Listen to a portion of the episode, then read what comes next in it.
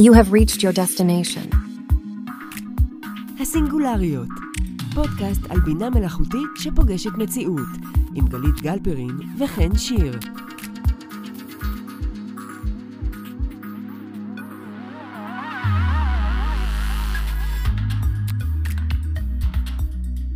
ברוכות וברוכים הבאים לסינגולריות, הפודקאסט שמדבר על המפגש בין המציאות לבינה מלאכותית. בכל פרק אנחנו פוגשות מומחים בתחומם ומנסות להבין יחד איתם לאן ה-AI לוקח את האנושות. ובפרק היום ירון אינגר, CTO ו-co-founder של לייטריקס. על איך חברת יוניקורן מתמודדת עם הכניסה של ג'נרטיב AI למשחק. היי גלית. היי חן, מה נשמע? טוב, טוב, לפני שאנחנו מתחילות, אני רוצה לתת קצת משהו חשוב למאזינים שלנו. אה, יש לנו עוד אינסטגרם חדש, אה, שקוראים לו סינגולריות, ואנחנו ממש נשמח שתבואו ותעקבו אחרינו. תמצאו אותו אה, באינסטגרם די בקלות עם השם סינגולריות, ואנחנו מספרות שם על כל מה שאנחנו עושות ביומיום עם הפודקאסט. אתם יכולים לבוא ולראות מאחורי הקלעים קצת, וגם את ההקלטות ומה שאנחנו מפרסמות, וגם מה שקורה בעולם ובישראל בנוגע ל-AI. אז אנחנו גם נשים לינק לפרק, ובתוך הפרק, וגם אתם מוזמנים לחפש אותנו. טוב, אז חן, אני רוצה ככה לתת, אה, לתת קצת אה, הקדמה על, אה, על לייטריקס. אה, אז לייטריקס היא חברה שקמה לפני עשור, אה, ובעצם עשתה עיבוד ממוחשב לתמונות. אה, אולי אנשים זוכרים ככה שפייסיון פרצה לחייהם. אה, זה היה עידן אה, שהוא מעט אחר, אה, והמילה AI עוד לא הייתה Buzzword. אבל uh, בעצם uh, הם התחילו לייצר פילטרים לאינסטגרם הרבה לפני שאינסטגרם הבינה שהיא צריכה פילטרים.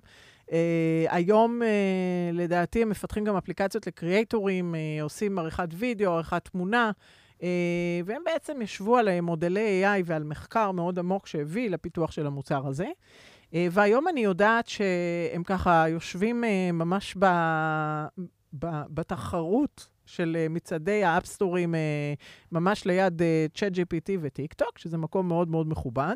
ויש להם, הם, הם חברת unicorn, אוקיי? יש להם חמישה מיליון משתמשים משלמים.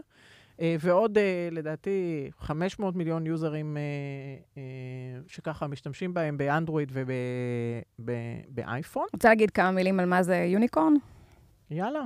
טוב, אז יוניקורן בעצם אפשר להגיד מלא דברים על מה זה יוניקורן, אבל ספציפית אצלנו, מה שאנחנו מתייחסים אליו פה, זה בעצם חברה שגייסה הרבה מאוד כסף, מדובר על 130 מיליון דולר בערך על הסיבוב האחרון, ואליואציה של למעלה ממיליארד דולר, זאת אומרת 1.8 מיליארד דולר, לפחות מה שמפורסם, והכנסות שהן באמת במיליונים, מאות מיליונים, בשנה שעברה, מה שדווח, למעלה מ-200 מיליון דולר הכנסות, מה ששם אותם במקום הזה שהם באמת מאוד מאוד גדולים, ואנחנו מצפים לדברים ענקיים מהם, ועל כן הם יוניקורן. אבל, אבל... כן, אבל, בוקר אה, אחד. בוקר אחד, אה, בוקר אחד אני מניחה, אה, ותכף אנחנו נברר את זה, מתעוררים בבוקר ומגלים שיש עוד שחקן מאוד גדול בשוק, שהטכנולוגיה עשתה כזו קפיצת מדרגה, שבעצם היום מנגישה המון המון מודלים של AI לקהל הרחב, ופתאום יש הרבה מתחרים. כן. ומתחרים גדולים. ואותי, ואני מניחה שגם אותך, מעניין להבין מה, מה זה עושה לחברה בשווי כזה, בגודל כזה. אה, ולכן בחרנו להזמין את ירון אינגר, ה-co-founder וה-CTO של לייטריקס, לספר לנו בדיוק על זה. היי ירון. אהלן, מה העניינים? תודה שהצטרפת אלינו. ספר לנו קצת על מה שאתם עושים, ועליך כמובן. אוקיי, אז אה, כמו שאמרתן, אני ירון, אה, אני co-founder ו-CTO של לייטריקס. אה, בעשור האחרון אני נמצא על אותו title של CTO, אבל בעצם אני עושה תפקידים מאוד מאוד שונים. אה, אז התחלתי בתור... Uh, ככה המוביל הטכני של Facetune, הגרסה הראשונה ל-iOS, כשהיינו ארבעה וחצי חבר'ה בשתי דירות בנחלאות, כי לא היה מקום להיות ארבעה אנשים בדירה אחת ולפתח את המוצר. ובעצם משם כ bootstrap אנחנו גדלנו ל-30 עובדים, ומשם אני הובלתי גם את הפיתוח של Enlight, שזה מוצר שזכה ב Apple Design Award וב App of the Year. ומשם אני מנהל צוותים וקבוצות, ובשנתיים האחרונות אני מוביל את רוב הפיתוח והמחקר בחברה, שזה כולל את מחלקת המחקר שלנו, מחלקות של product engineering, שמפתחות את שלושת המוצרים הגדולים שלנו, שאנחנו מתמקדים בהם, שזה Facetune, Videoleap ו Photoleap. יש לנו עוד vertical שנקרא Popular Pays, שזו חברה בשיקגו שרכשנו לפני כשנה, שמתעסקת בחיבור בין ברנדים ל creators. אה, ובעצם גם בכל התשתיות שלנו, בכל מה שקשור ל-Backend, בתשתיות mobile וכולי, אה, סדר גודל של 180 איש, אה, וזהו. וואו. ותגיד, מה שאתה אומר בעצם זה שכל האינפלואנסרים שאנחנו רואים, וידאוים שלהם ותמונות שלהם, הכל AI. זו שאלה טובה, כי בעצם אנחנו צריכים, אני חושב שיש פה איזה דיון פילוסופי, כן, של מה זה אומר, מה, מה זה אומר תוכן אמיתי ולא אמיתי. אה, דיברתן על אה, פילטרים באינסטגרם, זאת אומרת, אז יש פה שאלה, האם אני מצלם עכשיו תמונה שלי, או צילמתי תמונה שלי לפני עשור, והשתמשתי בפילטר של לייטריקס או בפילטר של אינסטגרם, האם זה אומר שהתמונה היא אמיתית או לא אמיתית? אם אני עורך עכשיו את הוידאו שלי ב After Effects, האם הוידאו אמיתי או לא אמיתי? האם אני מייצר עכשיו תמונה על ידי כלי של Generative AI על ידי זה שכתבתי פרומפט, או שהשתמשתי בכלי כמו השלמה של חורים, inpainting, אה, עם אחד מהכלים של Generative AI, האם זה אומר שהתמונה או הסרט הם אמיתיים או לא אמיתיים? אז אני חושב שיש פה איזשהו span שצריך, אה, אפשר לדון עליו במשך שעות. אני מסכימה, אבל אני, אני כן רוצה לחדד. אה, תראה, אתם הייתם, אני חושבת שהיתרון הגדול אה, שלכם, זה שאתם נכנסתם אה, בדיוק בנקודה הנכונה אה, לפלטפורמה הנכונה. זאת אומרת, אה, הכנסתם אפליקציית מובייל שעושה לי איזשהו שיפור של התמונה, בתוך איזשהו workflow שלי של אה, לחבר את זה לסושיאל. אה, עד אז, Uh, מי שרצה ככה לתקן את הפנים, או לעשות uh, פרחים מאחורה וכולי, היה צריך מעצב מקצועי, או מישהו שיש לו המון המון שעות של פוטושופ. אתם הנגשתם. אבל מה שקורה כרגע, זה שאני באיזשהו היפר אה, הנגשה, כי אני אפילו לא צריכה אפליקציה, אני אפילו לא צריכה לדעת שום דבר, אני פשוט יכולה להגיד, אה, תשים מאחוריי אה, קקטוסים, שזה הפרומפט האהוב עליי כשאני מנסה שירותים חדשים. מי לא אוהב קקטוסים? אה, וזה קורה, זאת אומרת, אני, אני רוצה לשאול אותך, באמת, יום אחד אתה קם בבוקר, אתה עובד עשר שנים, אתה עושה, יש לך אה, מחלקת מחקר שהיא מבוססת, וגם שמעתי אתכם, ב, ב, כלומר, שמעתי אה, הרבה הרבה קודם, ממש לפני שנים כבר, על איך אתם אה, באמת אה, מתבססים על המחקר ועל האלגוריתם. ופתאום מגיע אדובי, ופתאום מגיע Microsoft Designer, ופתאום מגיע ChatGPT, וכל הדברים האלה הם נורא נורא נורא פשוטים אה, כביכול לכל אדם אה, באשר הוא להשתמש בהם. אז, אז מה עושים? איך אתה בעצם מתמודד עם דבר כזה? כן, זו שאלה מצוינת. Uh, אני חייב להגיד, קודם כל, שאנחנו, כך כשהתחלנו את החברה, ידענו שאנחנו לא הולכים להיות חברה של מוצר אחד, זאת אומרת, בנינו את פייסטיון בתור המוצר הראשון, זה ככה היה הדבר הראשון שנראה לנו מאוד אפילינג, uh, אבל... סליחה רגע, איך אתם בכלל מחליטים החלטה כזאת? איך חברה קמה בבוקר ואומרת, רגע, שנייה, אנחנו נבנה יותר ממוצר אחד. אה, היינו מאוד greedy, אני חושב. זאת אומרת, היה ברור לנו שהשם של החברה לא יהיה השם של המוצר הראשון, אוקיי. ושאנחנו רוצים לבנות סט של מוצרים, שאלה מוצרים לעיבוד של תמונות ולאחר מכן גם וידאו, והיה לנו ברור ש Facetune זה... משהו בדרך לעוד כל מיני מוצרים. זאת אומרת, ה retouching אה, כזה, זה היה, אוקיי, יש פה כל מיני פיצ'רים מגניבים שאנחנו יכולים עכשיו להביא ליוזרים, אה, וראינו שאנחנו מקבלים שם תוצאות טובות, אבל היה לנו מאוד חשוב להביא כלים כמו למשל Enlight, שמי שלא מכיר, זה עורך תמונות שמאפשר לכם אה, לשים ליירים אחד על השני, ובעצם להכניס שם כל מיני פילטרים, ובעצם כל מיני... להכניס כל מיני פיצ'רים של AI וכולי, אה, ולאחר מכן וידאו ליפ, שזה כלי עריכת וידאו שמאפשר להלביש וידאוים אחד על השני ולהוסיף עוד שכבות ואפקטים וכולי. זאת אומרת, ידענו שאנחנו מדברים על התחום הכללי של creativity, ושאנחנו רוצים להנגיש אותו לכמה שיותר אנשים. עכשיו, באותה תקופה, לפני עשור, אנחנו דיברנו על מה בכלל החלום שלנו, מה ה vision שלנו, וזה ה vision שלנו שהוא רלוונטי עד היום, שזה אה, Bridging Imagination and Creation. זאת אומרת, אני דמיינתי איזושהי יצירה, אוקיי? וכמו ש, שתיארת בעצם, אנחנו לפני עשור, לפני שנה, אה, בא איזשהו אה, יוצר, או wannabe יוצר, אוקיי? וחושב עכשיו, אני רוצה להפוך את הרקע להיות עם אה, קקטוסים, או אני רוצה לעשות איזה סרט שאני עכשיו מטייל באיזשהו אה, אה, מדבר עם רקע של קקטוסים. אין לי את היכולת לעשות את זה, אני יכול אולי לדמיין את זה בראש. אם לא עכשיו לקחתי קורס של חודשים בפוטושופ או של אפטר, אה, יש לי אנשי post production שיכולים להפיק את כל הדברים האלה, לקחתי שוטים מראש, הוצאתי הרבה כסף. אני לא יכול לייצר חלק גדול מה content הזה. ואני חושב שהמהפכה הגדולה היא, אה, שבעצם אה, אנחנו באמת אה, מתעוררים יום אחד ומגלים שה vision שלנו הוא די הופך למציאות ושאנחנו בעצם חי, חיים בסרט מדע בדיוני. נכון, ואתם גם לא רק, לא רק שזה מדע בדיוני, תראה, אני, איך אני יודעת, אני, מה שנקרא מתחביביי, זה להיכנס לכל הבוטות ו, ולנסות ולהשוות, ואני עושה לא מעט קומפטטיב אנליסיס בעניין הזה, ואני פש, פשוט מגלה, ואני באה מרקע של צילום, אז אני ככה מכניסה גם את, ה, את הדבר הזה בפנים, ואני באמת רוצה לראות כמה מהר אני מגיעה לתוצאה שיש לי בראש. ואני שואלת את עצמי, איפה אתה עכשיו מבדיל את עצמך, או איך אתה מתמודד, או האם יש לך עכשיו דברים חדשים לשלב, או החלטות שאתה מקבל בתור CTO, שאתה אומר, רגע, אז, אז, אז, אז, אז למה אני עכשיו ולא אדובי פיירפליי? שם קוד. כן, אז אה, אולי נתחיל קצת, אה, נלך אחורה למה בעצם קרה בתקופה האחרונה, אפשר להגיד בשנה האחרונה. אז uh, אני חושב שאנחנו עוקבים כבר הרבה מאוד זמן אחרי מה שקורה בשוק, מה שקורה באקדמיה, uh, ואנחנו כן עקבנו אחרי uh, דלי הגרסה הראשונה, שיצאה לפני כבר, אני חושב סדר גודל של שנתיים, משהו כזה. האיכות שם... ינואר 21. ינואר 21, כן. אז uh, האיכות שם הייתה לא משהו. ידענו שהדברים האלה קורים, העבירו אצלנו בקבוצת ריסרצ' סמינרים על הדברים האלה, וידענו שאנחנו צריכים לעקוב. אה, אני חושב שההפתעה הגדולה הייתה סביב אה, דלי 2, שראינו את התמונות האלה. אני זוכר שנכנסתי לעמוד של התמונות, ובגדול אמרתי, אוקיי, אם זה לא צ'רי פיקט, אה, מי שלא יודע, צ'רי פיקט, זאת אומרת שבחרו את התמונות, ייצרו אלף תמונות, בחרו את השלוש תמונות הטובות ביותר, אוקיי? אז אם זה לא צ'רי פיקט, אז יש פה משהו באמת גדול, וכמה אנשים ככה בחברה שמו לב לדבר הזה. ואנחנו ממש uh, השתדלנו להיכנס לבטא בשלב כמה שיותר מוקדם. באמת הצלחנו להיכנס לבטא, ואני זוכר שממש ניסינו לייצר כמה תמונות, ואני פשוט הייתי בשוק טוטאלי. ייצרתי איזו תמונה של ביל גייטס מחזיק דולרים. כן, הייתה להם קפיצה מאוד. גדולה בין המודל הראשון למודל השני. כן, ופה בעצם הבנו ש, שיש משהו, משהו גדול. זאת אומרת שהעולם לא ייראה כמו שהוא אה, נראה בעבר.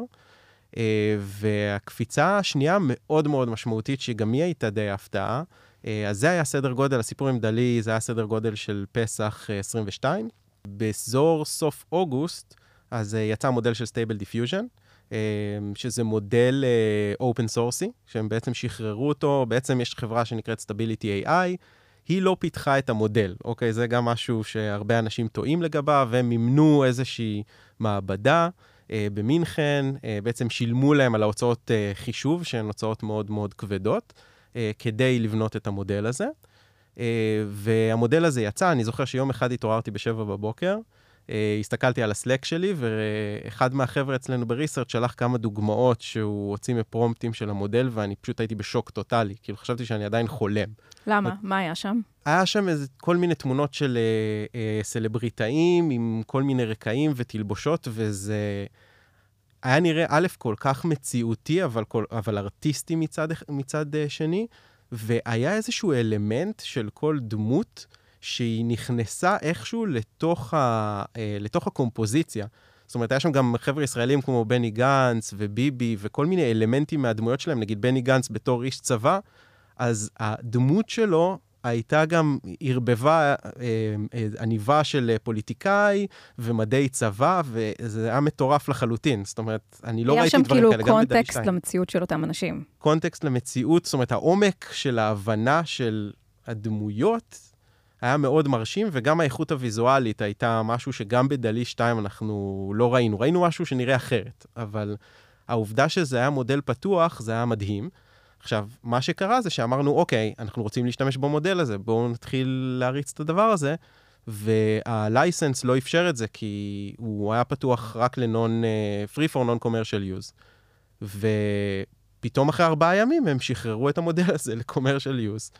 אז uh, זה היה מהלך מאוד מאוד מפתיע, ואנחנו תוך, אם אני זוכר נכון, סדר גודל של 72 שעות, כבר הוצאנו פיצ'ר ל production, שמאפשר לעשות text to image על הדבר הזה. טוב, אני רגע, רגע, רגע, רגע, רגע, זה מטורף. אני רוצה להבין.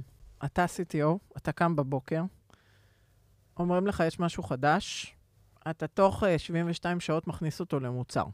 איך אתה מחליט מה אתה מפתח בבית, ומה אתה מוציא, ואני מניחה, שוב, אני מניחה שהוצאתם את זה ל production, אבל אני מניחה שהיה שם איזשהו טסט לראות כאילו כמה הדבר הזה הוא, comply למוצר שלכם, אבל איך מחליטים, ואני שואלת את השאלה הזאת כי היום, להערכתי, אין חברה או אין CTO בחברה אה, שהוא לא בהתלבטות הזאת של האם אני עכשיו מפתח משהו שהוא proprietary שלי, האם אני לוקח אה, איזשהו מודל פתוח, או אפילו מתחבר אה, דרך כל הגדולים, אה, ואז בכלל אני, אולי זה לא שלי. איפה, איפה, איך אתה עושה החלטה כזאת?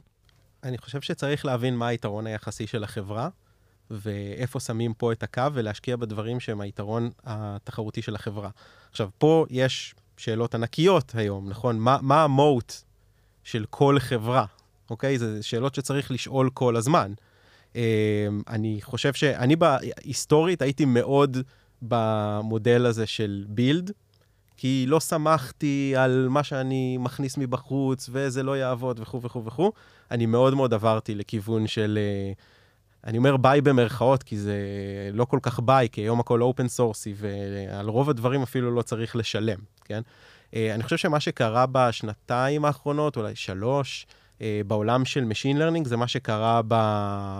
עשור, שניים האחרון, האחרונים בעולמות של סופטוור. זאת אומרת, אם פעם הכל היה closed source והייתן צריכות לקנות חבילות תוכנה אה, בהרבה מאוד כסף, והכל נהיה open source והכל נהיה בגיטאב, והיום הכל בלייסנסים. פעם הכל היה כזה GPL ולייסנסים שאי אפשר להשתמש בהם, ואם אתם משתמשים אה, בהם, אתן צריכות אה, לפתוח עכשיו את, ה, את כל הקוד שלכם, אז זה לא ריאלי לחברות נכון. לעשות את זה. אה, היום רוב הלייסנסים הם לייסנסים שהם מטרניים, ואתן עד כדי attribution יכולות עכשיו להשתמש במה שאתן רוצות כמעט שאתן מוצאות באינטרנט. אותו דבר קרה בעולם של Machine Learning. אה, כשאני הייתי באקדמיה לפני עשור, היו מאמרים, המאמרים האלה בגדול תיארו מאוד ב-high level מה עושים. אנשים, דוקטורנטים, ישבו במשך שבועות לממש את המאמרים האלה, ואז לגלות שמה שיצא להם זה לא מה שיש במאמר, ועכשיו לא ברור, יש לנו באג, אין לנו באג. אה, העולם צריך להגיד. שמשם הגעת. כן, נכון? זה כן, בעצם ההתחלה. כן, משם הגעתי, כן, לא, לא אמרתי את זה, אז אני בעצם הייתי דוקטורנט באוניברסיטה העברית אה, למדעי המחשב, בתחומים של גרפיקה, אה, צילום חישובי, Machine Learning, ובעצם אה, אני ביחד עם עוד אה, שלושה חבר'ה אה, עזבנו את הדוקטורט, אה, ו... ישר היסטוריה. כן. ו... ולכן גם אנחנו מחוברים, גם מהכיוון של האנג'ינירים, גם מהכיוון המחקרי. ו...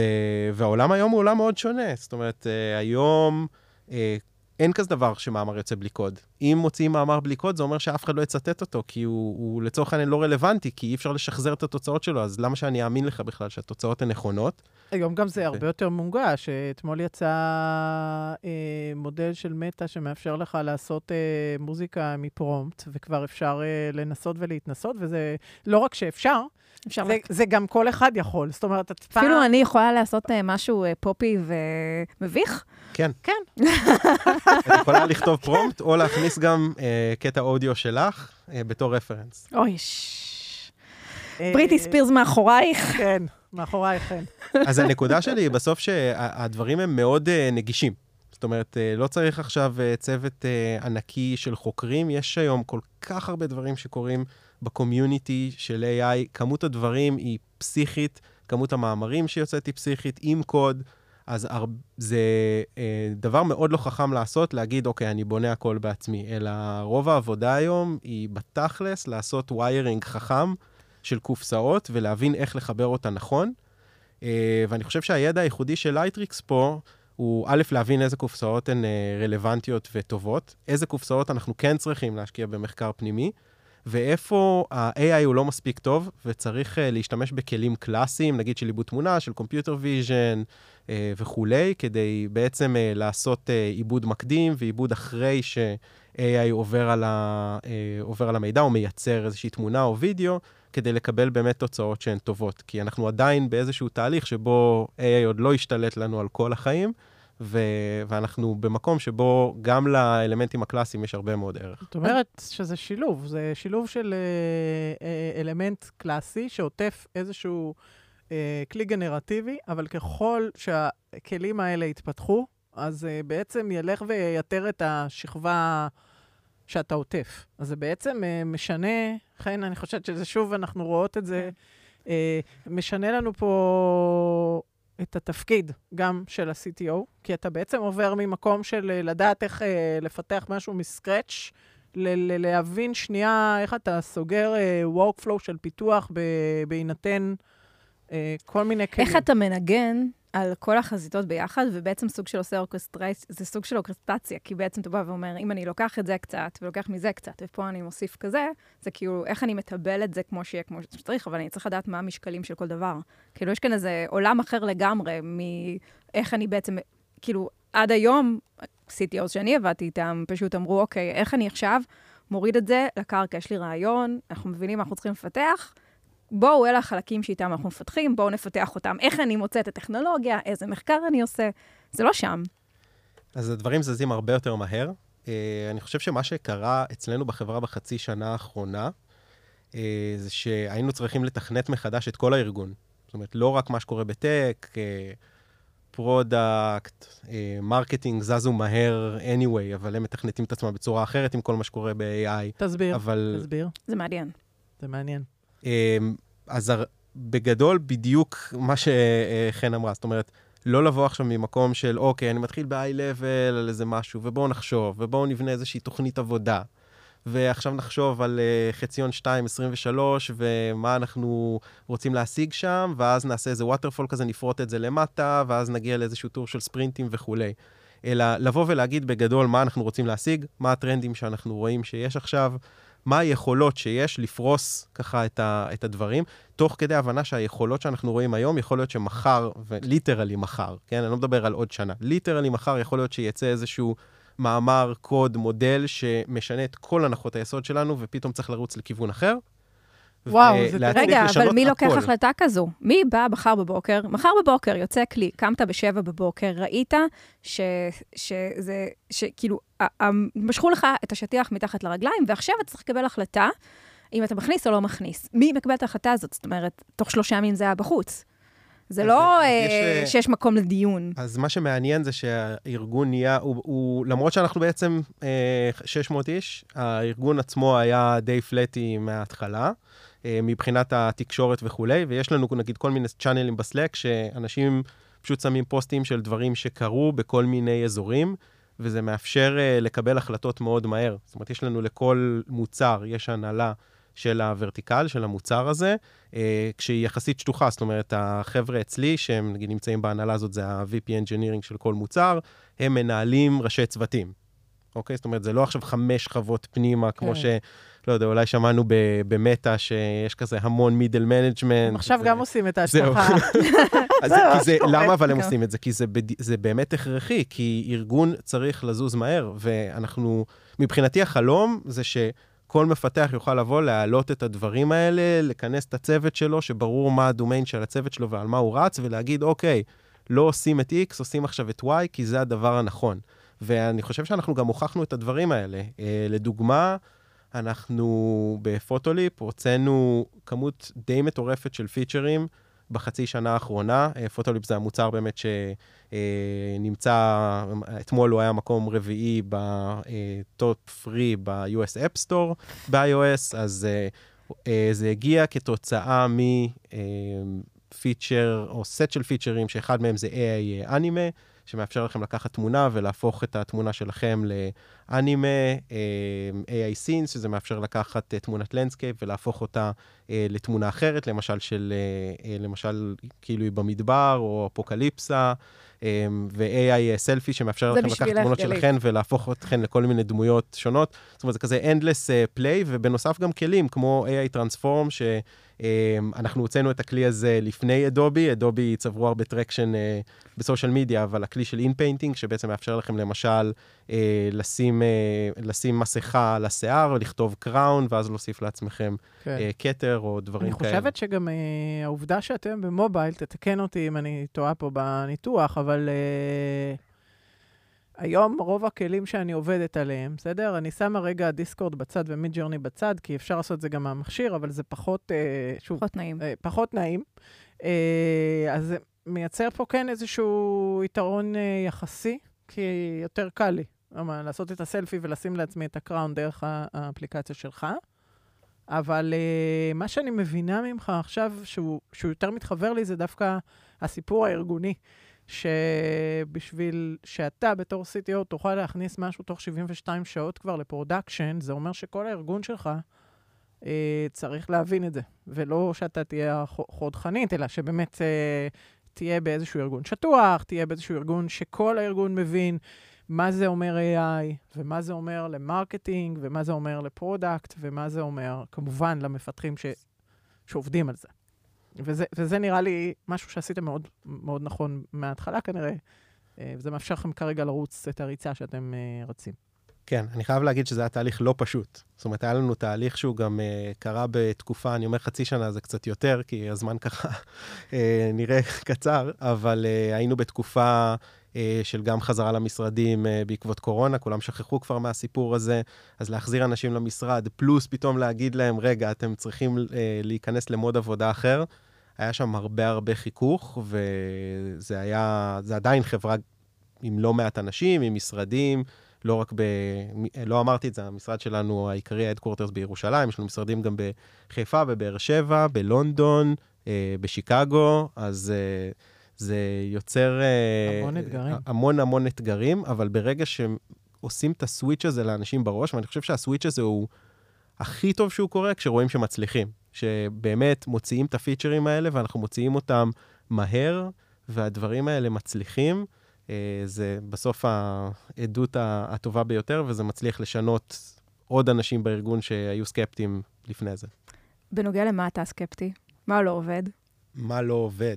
ולא רק בפיתוח ספציפית של, אה, של המוצר שלכם, אלא בואו נסתכל רגע ב-30 אלף רגל על AI, כן. על, על כל, לאן שזה לוקח את השוק, את החיים שלנו. מה מדאיג? אני חושב, מה מדאיג? Uh, טוב, יש כל מיני Outcomes מאוד מפחידים, כמו paperclips, שאומר בגדול, uh, uh, על סמך uh, המאמר של uh, יודקובסקי, שאומר שמישהו יציב איזשהו, uh, איזושהי משימה למודל AI שיהיה חזק מספיק, והוא פשוט uh, יתחיל להשתגע ולחסל כל דבר בדרך, כולל uh, בני אדם.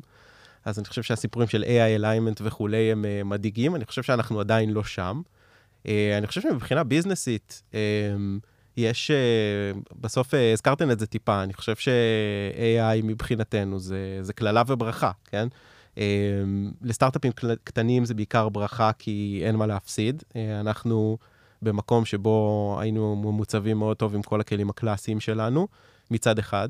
אה, מצד שני, AI פותח המון המון המון הזדמנויות עכשיו, וזה באמת אה, כל הסיבה שאנחנו רצים בטירוף. אה, ואגב, לא רק AI גנרטיבי בעולם של תמונות, כל הסיפור של מודלי שפה, בשבילנו יש פה הרבה מאוד הזדמנויות, כי אנחנו חושבים שזה הולך לשנות את כל האינטראקציה שלנו עם מוצרים, גם במוצרים שהם לכאורה ויזואליים. זאת אומרת, אני עדיין... כשאני מדמיין משהו, הרבה פעמים אני לא בהכרח בא ומשרבט אותו, אני כן מדמיין באיזושהי שפה טבעית מה אני רוצה לראות, ויכול להיות שאחרי זה אני עושה איזה שהם טוויקים ויזואליים, זה יכול לחלוטין לשנות את הממשקים. Uh, ואני חושב שבאמת, uh, כמו שתיארתן, הבעיה היא שהאתגר הוא שאין מוט. זאת אומרת, גם היה את המאמר המפורסם של, uh, שהתפרסם מאוד, של איזשהו בחור בגוגל על uh, We have no moat, uh, no one else, uh, no one else has, uh, שאנחנו מאוד מאוד מתחברים לזה, כי בעצם יש פה משהו מאוד מאוד מעניין, ששיטחו את, uh, את המגרש משחקים. אנחנו לא חושבים שיש חברה שבאמת יש לה מוט. Uh, יצא לכם גם לדבר על הסיפור הזה של גוגל uh, מול OpenAI. נכון, אנחנו מסתכלים למשל על uh, מה שקורה uh, עם אדובי, למשל. אה, שנכון, יש לה user base מאוד מאוד גדול, אבל אם נחשוב שנייה על מוצרים של אדובי, שפוטושופ, אפטר אפקס, אלה מוצרים שעובדים בצורה מאוד מאוד קלאסית, יש להם user base מאוד גדול שיודע איך להשתמש במוצרים האלה, אבל הפרדיגמה של איך ליצור תוכן תחת העולם של AI ו-Generative AI, לא בהכרח מכתיב את הממשקים המורכבים האלה שנהגנו להשתמש וללמוד אותם הרבה, והם עכשיו בסוג של innovator's dilemma כזה של מה בדיוק אנחנו עושים. אז בעצם מה שאתה אומר זה שזה שאתם כבר יד ורגל בזה במשך כל כך הרבה שנים, נותן לכם את ה edge, כי אתם מבינים איך creators עובדים הרבה לפני שהם מבינים את זה, זאת אומרת, איך עובדים creators עם AI לפני שהם הבינו את זה. הם אולי מנסים להתחקות אחרי, אבל אתם באמת, הראשוניות נותנת לכם את, את, אני חושבת שהם ה edge. אה, enterprise, לעומת... אה, הם יותר עובדים באמת עם מישהו אה, מעצב ב enterprise, ומצפים שעל הכלי הקלאסי אני אעשה עכשיו אה, איזשהו fill. אה, אבל אני כן רוצה להגיד שאדובי אקספרס למשל זה אחד לאחד של קנווה, אוקיי? זה ממש כאילו, הסתכלתי על זה... תוכלו לקנות אותם, אבל אה, החליטו שלא, והעתיקו אותם. יקר.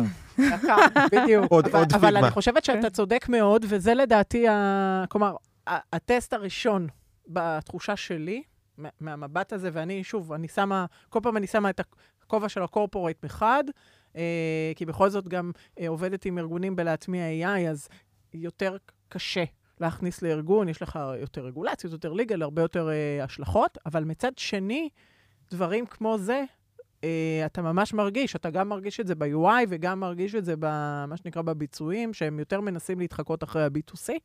אה, זה יהיה מאוד מעניין. זה יהיה מאוד מעניין.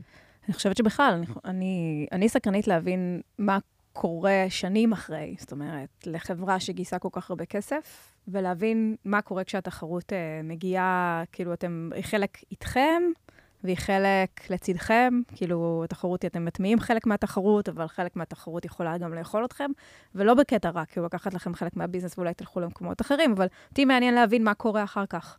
זאת אומרת, איך המשקיעים רואים את זה, ומה קורה לחברה עצמה, ואיך היא משתנה ומתגלגלת עם כל הסיפור הזה. תראי, אנחנו כרגע בצמיחה מאוד טובה. זאת אומרת, אה, אם דיברנו על לאן AI לוקח את החברה, כרגע אנחנו במקום מאוד מאוד טוב. אה, אנחנו מינפנו את מה ש... את, את כל מה שקורה היום אה, כדי להביא הרבה יוזרים, אה, ובאמת אה, לייצר גם אה, ברנד אה, הרבה יותר חזק למוצרים שלנו, וזאת רק ההתחלה. זאת אומרת, השלב הזה, שמה שדיברתי על השינוי הקלצ'רל, אני חושב שזה הדבר הכי הכי הכי חשוב. זה הבסיס, וזה עדיין תהליך. אה, ואנחנו ממש רואים כל, כזה week over week, איך עוד איזה צוות תפס את זה, ועוד איזה צוות ב marketing פתאום מבין איך הוא מנצל את הכלים שיש לרשותו פנימית כדי לעבוד בצורה יותר יעילה, והדברים האלה מביאים תוצאות. אז אני חושב שזה אה, זה כזה נקודה מאוד מאוד חשובה, היכולת שלנו לתמרן כמו סטארט-אפ קטן, ולפעמים גם יותר מהר מסטארט-אפים קטנים. לפעמים אנחנו מופתעים, אנחנו אומרים, וואו, הוצאנו משהו, אמנם בזמן שיא, עשינו אינטגרציה לטכנולוגיה תוך שבועיים, הוצאנו אותה החוצה לאיזשהו פיצ'ר. אז בסדר, אני יכול להגיד, אוקיי, יש לי מיליוני משתמשים, אני מצפה לאימפקט יותר גדול, אבל אנחנו מסתכלים הצידה, כזה, אוקיי, מי עוד איתנו פה? גם uh, חברות קטנות של כמה אנשים, ואנחנו כמעט לא רואים אף אחד. אז uh, בקטע הזה אני, אני מאוד מאוד uh, מעודד, ואני חושב שבעולם של קונסומר אנחנו בהחלט המובילים. Uh, אני חושב שמה שמעניין uh, יהיה לראות זה מה קורה מחוץ ל mobile, כי אחד הדברים שבאמת מעניינים אותנו זה גם קצת לצאת החוצה מחוץ לגזרה הזאתי. Uh, אני חושב ש consumer זה דבר מאוד מאוד יפה, uh, ו consumer קיים לא רק ב mobile, הוא קיים גם בפלטפורמות אחרות, ומה שהיינו רוצים לראות זה איך אנחנו מסוגלים לקבל עוד traction במקומות שהם לא רק ב mobile. אני חושב שאנחנו כן רואים uh, מתחרים שלנו מוציאים מוצרים או features טכנולוגיים שהם on par עם דברים שאנחנו עושים, או פחות טובים, אה, בעולמות למשל כמו web, ומקבלים traction יותר גדול. אז בעצם לעבור גם להיות מחברת B2C קלאסית לחברה שהיא קצת יותר B2B. אה, אז את B2B עם המהלך הזה עשינו עם בעצם רכישה של Popular Pays, אנחנו כבר עובדים עם brandים ומחברים אותם ל creators. אה, אני חושב שמה שמעניין זה גם איך אנחנו מציעים כלי uh, content creation לאנשים בפלטפורמות אחרות. כשאני אומר אנשים, entities, זה יכול להיות consumer, זה יכול להיות business. creators על uh, פלטפורמה נוספת. כן. ואני חושב שיש פה שאלה מאוד גדולה עם הסיפור הזה של חיבור brandים ו creators. מה זה בדיוק אומר בעידן של AI? מה זה אומר creator בכלל כן. בעידן של AI? אם uh, דיברתם על קצת קדימה, האם בכלל יהיו creatorים? האם לא יהיה creative agent? אני רוצה לסיכום שאלה אחרונה. מה יהיה כוח העל שתקבלו מהבינה המלאכותית, אם לא קיבלתם אותו עדיין? אני חושב שהסיפור הזה של creative agent, בעיניי, זה שוב מתחבר לסיפ... לנקודה הזאת של bridging and Creation.